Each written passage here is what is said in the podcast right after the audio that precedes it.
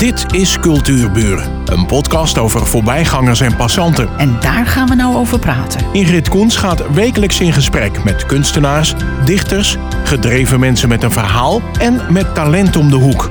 Vandaag gaat ze in gesprek met Pieter Zwanenburg. En hij schrijft eigenlijk vol trots achter zijn naam Beelden in brons. Hij was tot 2007 docent in het basisonderwijs. Maar hij had niet alleen aandacht voor de basisvakken, maar besteedde ook aandacht aan de ontwikkeling van de creativiteit van de kinderen. Hoe deed je dat precies? Hoe ik dat precies deed? Nou, de, uh, vooral dus nadat we de zaakvakken, zullen we maar zeggen, uh, goed, uh, goede aandacht hebben gegeven. Uh, dat er altijd als de kinderen klaar waren op de een of andere manier zichzelf bezig kon houden met creatieve activiteiten. Nou is dat binnen een klaslokaal natuurlijk behoorlijk beperkt, dat wel. Hoe bedoel dus, je dat beperkt? Nou, omdat we in dat ene lokaal dan alles zouden moeten hebben om die creatieve uiting en dan heb ik het over tekenen, handarbeid, uh, andere vormen van, uh, van creativiteit. Uh, heb je toch gauw een andere ruimte nodig, andere instrumenten nodig. En dat heb je natuurlijk niet binnen je klas. Maar goed, de kinderen hadden altijd op de een of andere manier tekenmateriaal bij zich. Of wat daar dichtbij was. He, dus ze konden, als ze klaar waren met hun werk, konden ze altijd zelf kiezen wat ze gingen doen. Sommige kinderen waren dan meteen bezig met het maken van tekeningetjes of uh, uh, uh, plakwerk, zal ik maar zeggen. Mm. Dus met papier en karton aan het werk, want dat was wel, wel in de klas. Maar de meeste kinderen gingen toch altijd vrij snel hun leesboek pakken of met elkaar, als het ook mogelijk was, een spelletje doen. Oh ja. En dat was ook mogelijk, dat vond jij ook goed? Ja, natuurlijk. Jij vindt dat ook een stuk creativiteit? Als, ja, een, spel, een spelletje doen, ja. zeker. Zeker. Ja. Oh, wat leuk.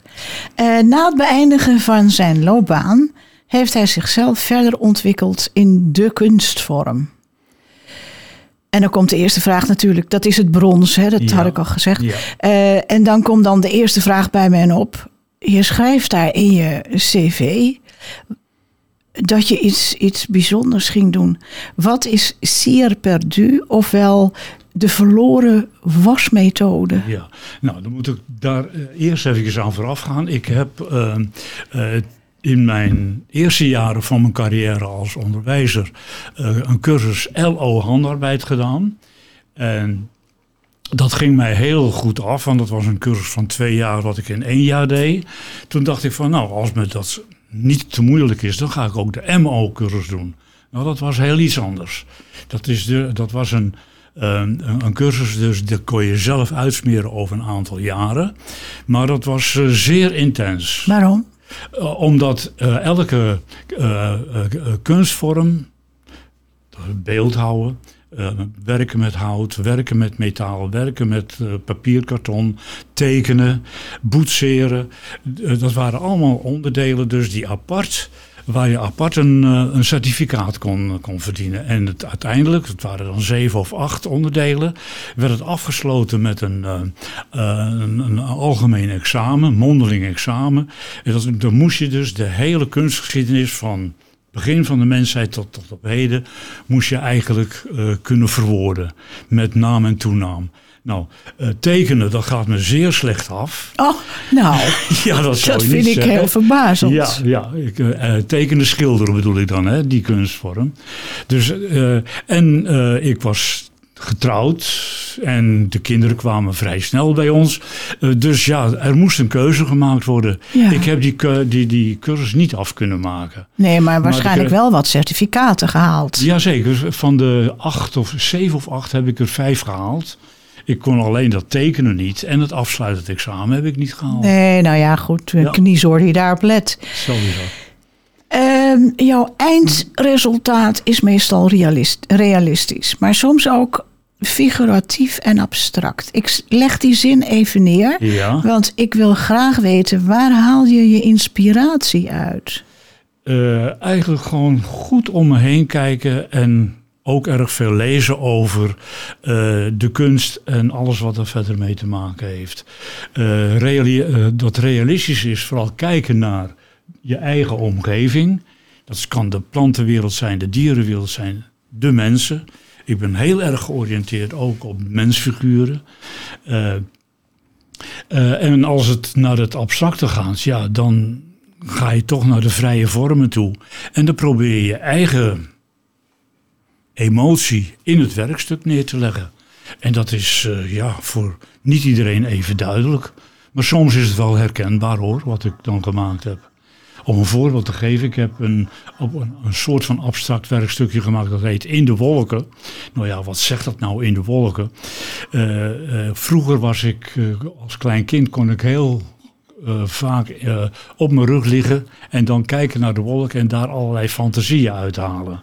Nou, ik was een keer aan het boetseren en dat ontstond toen zo. Dus kwam me daar een abstract werkstuk uit. Met denkende aan. De wolken. De wolken ja, en alles wat ermee te maken leuk. heeft. Ja. ja. Uh, literatuur noemde je al. Lees je alleen literatuur? Nee hoor, ik lees erg weinig. Veel te weinig. ha, ha, ha, ha. Hier ik, komt een aapje uit de mouw. Ja. Als ik lees, dan is het uh, vooral geschiedenis of uh, rom romans, zeg maar, die ook duidelijk een aanknopingspunt hebben met de geschiedenis. En dan heel erg veel over kunst en cultuur. Ja. En mythologie kwam ik nog tegen? En de mythologie, ja, ja daar ben ik geïnteresseerd, heel erg in geïnteresseerd, omdat bepaalde figuren toch, uh, wat mij betreft, erg veel uh, interesse hebben. En ja, daar probeer ik dan mede door te kijken naar wat anderen al gemaakt hebben, hmm. om een eigen indruk daarin vast te leggen. Ja, en mythologie, dat is natuurlijk heel breed. Hè? Ja, ja. En dat kent ook uh, bepaalde uh, mythen, hè, om het woord dan maar Ja. even te gebruiken, die je wel aanspreken en die je niet ja. Dus wat.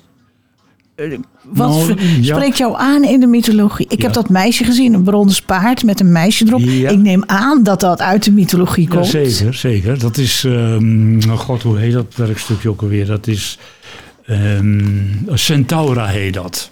Ja, toch? Eh, ja, Centaura. Eh, en dat is dan gebaseerd op Centaurus. Want in de mythologie is Centaurus altijd een mannelijk gegeven.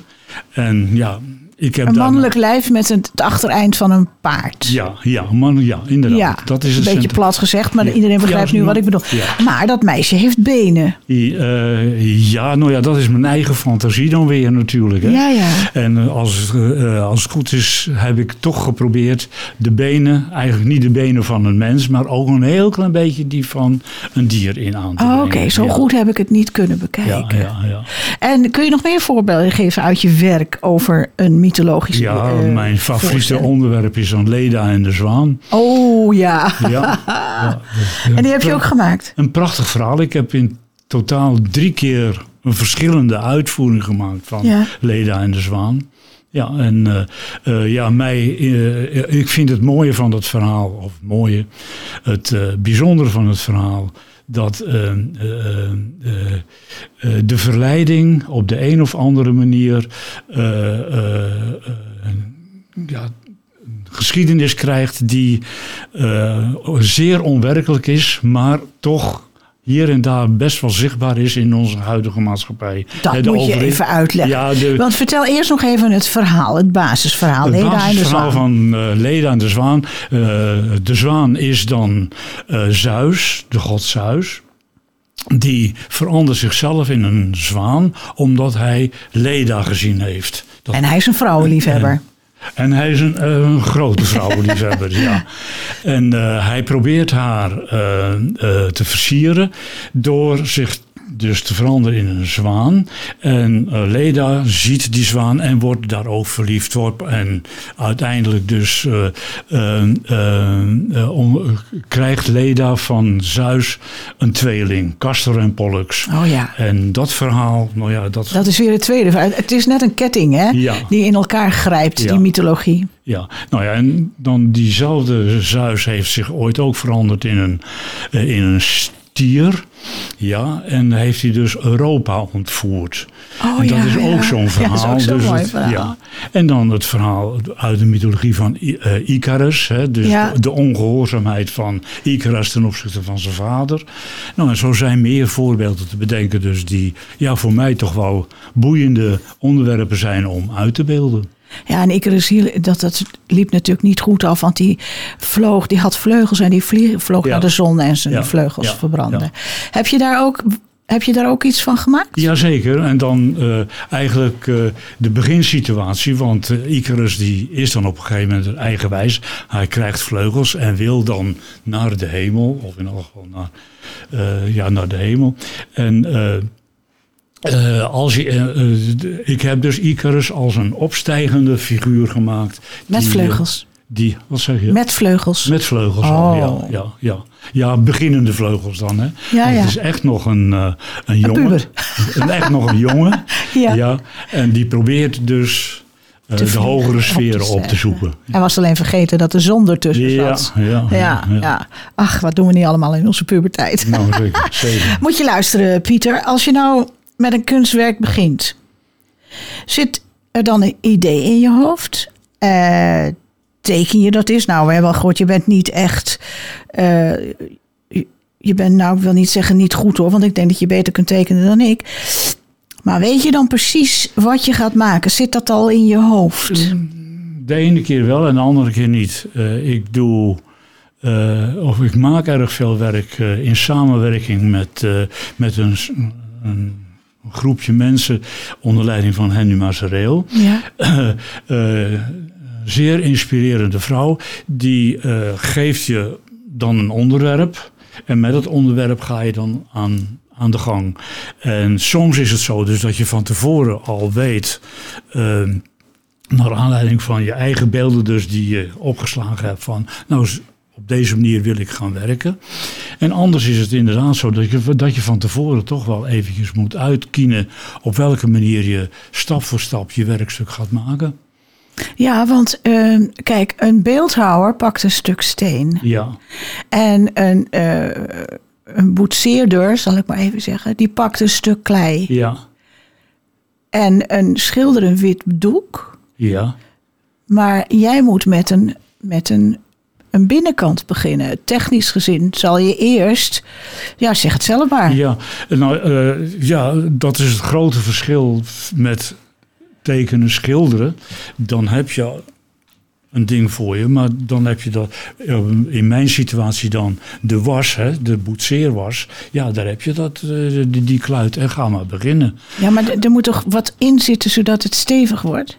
Eh, IJzerdraad of ja, misschien iets ja, anders? ik maak niet van die hele grote werkstukken. Dan hoeft dat niet? Dan hoeft dat allemaal niet. Oh. Nee, je kunt het boetseren als, nou ja, met klei. Klei, zeg maar. ja, ja, ja. Maar wordt het beeld dan toch te groot, dan kun je ervoor kiezen als het nodig is.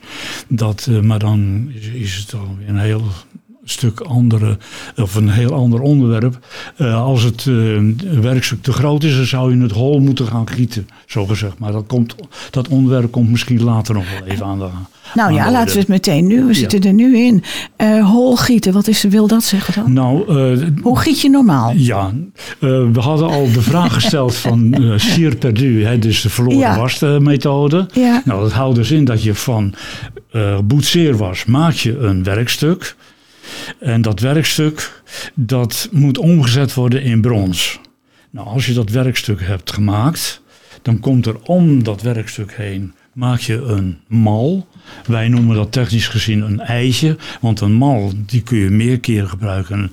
Eh, maar het omhulsel om het werkstuk wat je gemaakt hebt, dat noemen wij een eitje. Dat wordt gemaakt van gips. Nou, dat gipsen geheel, dat eh, gaat naar de bronsgieterij. En dan wordt de, het beeld, nee, de was van het beeld wordt uit die gipsen mal ge- Smolten. ge- gesmolten. Oh ja. En dan heb je dus die holle ruimte. Als die holle ruimte dan eh, eh, helemaal goed schoon is, dan wordt het, eh, het brons heet gemaakt tot ongeveer 12, 1300 graden, soms nog wel heter. en dan wordt het, eh, wordt het eh, brons in Dat de lege ruimte Ja, gegoten. snap ik. En als het brons voldoende is afgekoeld, dan wordt de gipsen mal, wat wij dus het eitje noemen, wordt stuk geslagen. En dan krijg je een ruw beeld, komt er tevoorschijn. En dat moet je dan verder gaan afwerken. Maar wat is ruw? Eh, nou ja, dat er dus nog gips aan zit. En wat heel vaak voorkomt, bij het uitstoken van de was, eh, komen er scheuren in het gips. En in die scheuren loopt Oh, ook brons. ja, Dat natuurlijk. moet allemaal weggewerkt worden. Soms zijn er eh, luchtbelletjes die ook brons geworden zijn. Moet allemaal weggewerkt worden. En daar hebben we ons speciale gereedschap voor op de werkplaats. Ja, ja. Eh, maar is het beeld te, te, te- te volumineus? Je, je wijst nu ongeveer 70 centimeter aan. Ja, nou ja, dat gaat ook met de breedte. Ja. Eh, En ook afhankelijk van de mogelijkheden van de bronschieterij en hoe dat verder uitgewerkt wordt. Dan ga je dus een. eh, en het heeft ook te maken met eh, eh, de- het aantal kilo's wat nodig is om een groot bronzen Ja, beeld te maken. ik, ja. Want als het dus massief gegoten is, nou, dan is het niet te tillen zo zwaar als het wordt. Eh, en brons is duur. Met andere woorden, als je iets hol kunt gieten, dan is het alleen maar meegenomen. En het is ook makkelijker te verwerken. En dat holgieten, ja, dat is een, weer een vak apart. Want dan moet je van je zelfgemaakte werkstuk, of dat nou 20 centimeter is of 100 centimeter, maakt niet uit, of nog groter. Ehm, dan moet de, eh, de, dan moet er een mal van gemaakt worden. Eh, en dat is toch wel een moeilijk proces. Want je moet zorgen dus dat je beeld wat je gemaakt hebt intact blijft. Je moet daaromheen dan toch weer een mal maken. Dat kan van gips zijn, maar ook van kunststof. En als eenmaal die mal goed gemaakt is, dan kun je dus het originele werkstuk er weer uithalen. Ja. En dan heb je dus ook weer een holle ruimte. En nou ja, dan vergelijk ik het altijd maar met, eh, eh, het giet, eh, met paaseieren. Die zijn ook hol Ja. van, van chocola. Nou, dat is, daar gebeurt hetzelfde. Want de, de mal wordt helemaal volgegoten met vloeibare was. De buitenkant gaat het eerst stollen. En als die buitenrand dan dik genoeg is, dan stort je de rest van het materiaal, van een paasei, dus het chocola, en van eh, eh, een bronzen werkstuk, dus het brons giet je, of eh, het, de was giet je dan verder uit. En dan heb je dus een hele mooie dunne wand. Oh ja, ja, Waar, ja. en als dat eenmaal goed gelukt is, ja, dan moet dat ook weer omgezet worden in brons. Ja, En ja. dat is dan ook weer een vak apart. Want ehm, eh, je moet dan de mal zo maken, eh, dus het eitje zo maken, dat alleen maar het brons, of alleen maar dus die, eh, het beeld wat je van, eh, van, van was gemaakt hebt na het maken van de holle ruimte, ja. Ehm, moet je die holle ruimte dus ook weer gaan maken. Ja. ehm, Heftig hoor. ja, best wel, best wel moeilijk hoor. En heel arbeidsintensief, hè? Zeer arbeidsintensief. Ja. Vandaar dus dat ook de, de beelden, hè, vooral de, bro- de holgegoten beelden, ontzettend duur zijn. Ja, ja. Omdat er verschillende fasen aan vooraf gaan. Ja. Waar de, de buitenstaander geen weet van heeft, maar wat wel heel veel tijd kost. En wat allemaal de bronsschieter moet doen. En eh, uiteindelijk de bronsgieter, die moet het werk doen. ja, ja, ja. Maar die holle ruimte dus, eh, als je dus een hol beeld gaat gieten, dan moet je de kernheden dan, dus de holle ruimte van binnen, die moet je dan eerst weer vullen met gips. En die moet je dan weer vastzetten aan de buitenkant door met eh, eh, kernspijkers, dus de zaak vast te zetten. En, daaromheen, eh, en dan wordt het werkstuk dus weer met een eitje omgeven. Dus dat is weer die eh, gipsen eh, mal, zeg maar. En eh, nou ja, dan moet er weer uitgestookt worden. Dan maar hopen dat die kern goed op zijn plek blijft zitten. Ja, ja, ja. Dat is allemaal, en als het allemaal goed gelukt is, dan wordt het bronzen dus weer ingegoten. Ehm, Maar dat, dat, dat is best wel een, een, een, een risicovol traject, hè? ja. Ja. We krijgen van de bronsgieter nooit Garantie. de, eh, de zekerheid van het werkstuk komt terug zoals je dat wil hebben. Nee, dat is altijd ik. een, eh, Dus jij houdt je gewoon bij iets handzamere. Eh, ja, ja, maar dat komt ook omdat brons hartstikke duur is. Dus hoe groter je werkstuk, des te, des te duurder ook het basismateriaal. Ja, ja, ja. Dus de prijs is van het basisgebeuren. ja, dat is helemaal duidelijk. Maar eh, moet je luisteren, en als je dan de was in je hand hebt, ja. kan het voorkomen dat je niet weet hoe het wordt, maar dat er iets anders uitkomt. Dat is mij overkomen, ja. De, eh, we, we hebben ooit, tenminste ik heb mezelf ooit ge- een opdracht gegeven om iets met dierfiguren te gaan, te, te gaan doen. Ja, Ik was toen bezig met het maken van een soort van reigerachtige toestand. Eh, maar dat werd het helemaal niet. En eh, ik wilde ook op dat moment realistisch, een realistisch werkstuk maken. Maar uiteindelijk is het een beeltenis geworden. eh, van, wel van een vogel, maar eh, eh, toch een soort van abstracte uiting. Want ik, een, een vorm dus die zo zichzelf naar achteruit kijkt. Ja, en dat is dan ontstaan op die manier. ja, ja. Je had het er net al over. Ehm, het collectief. Ja, Het collectief Kijk op Brons. Kun je me daar wat meer over vertellen? ja. Eh, En wie zitten er allemaal in? Henny Mazorel heb je al genoemd. Nou nee, die zit niet in het collectief. Oh, dat Nee, dacht ik nee, dat je dat nee. zei. Eh, Henny is, eh, wat mij betreft, het beginpunt van waar we nu met z'n tweeën over praten. Nee, ehm, ehm, Kijk op Brons, dat is een groep van ongeveer tien amateurkunstenaars vooral. Die zijn oorsprong vindt in de hooischuur in Alkmaar. Dat is ook een bronsgieterij.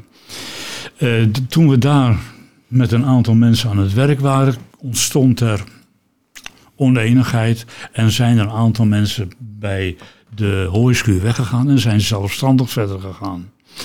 En omdat we toch op de een of andere manier een stukje zekerheid wilden hebben naar elkaar en ook de mogelijkheid hebben om eh, het werk te maken zoals we dat zelf graag willen, ehm, was de steun van elkaar heel erg belangrijk. En hebben we dus gewoon een clubje opgericht dat we noemden eh Kijk op Brons Oh ja. collectief.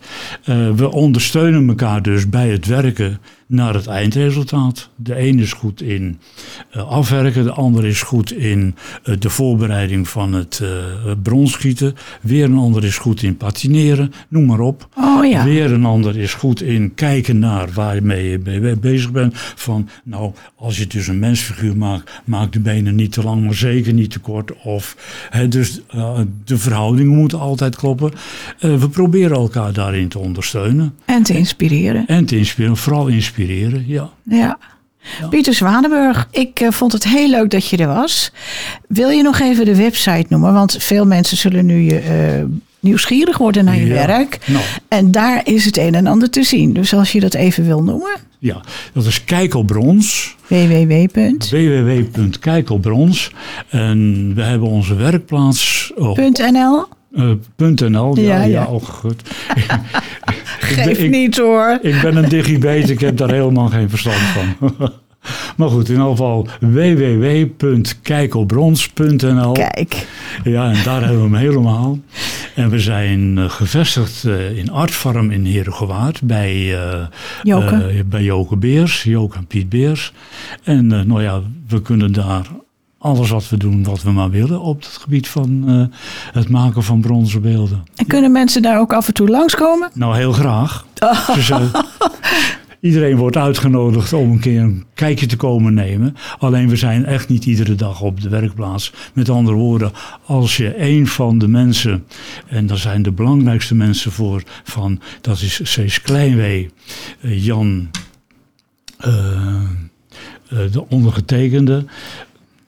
Ben Staan die allemaal op de website? Ja, die staan allemaal Nou, dan hoef je het allemaal niet te noemen. Nou, oké. Even te bellen of Eh, bij, ja. bij Joke, Joke Beers te informeren of er iemand het is. meest, eh, ehm, het makkelijkste is Joke of Piet Beers te bellen. Ja, die weet komt- alles. Dan komt alles vanzelf samen. Ja. Nou, dat weten we ook alweer. Dus het gaat helemaal goed komen met jou. Ik kom zeker een keertje kijken, want ik heb wat van je gezien. Ik vind het erg mooi.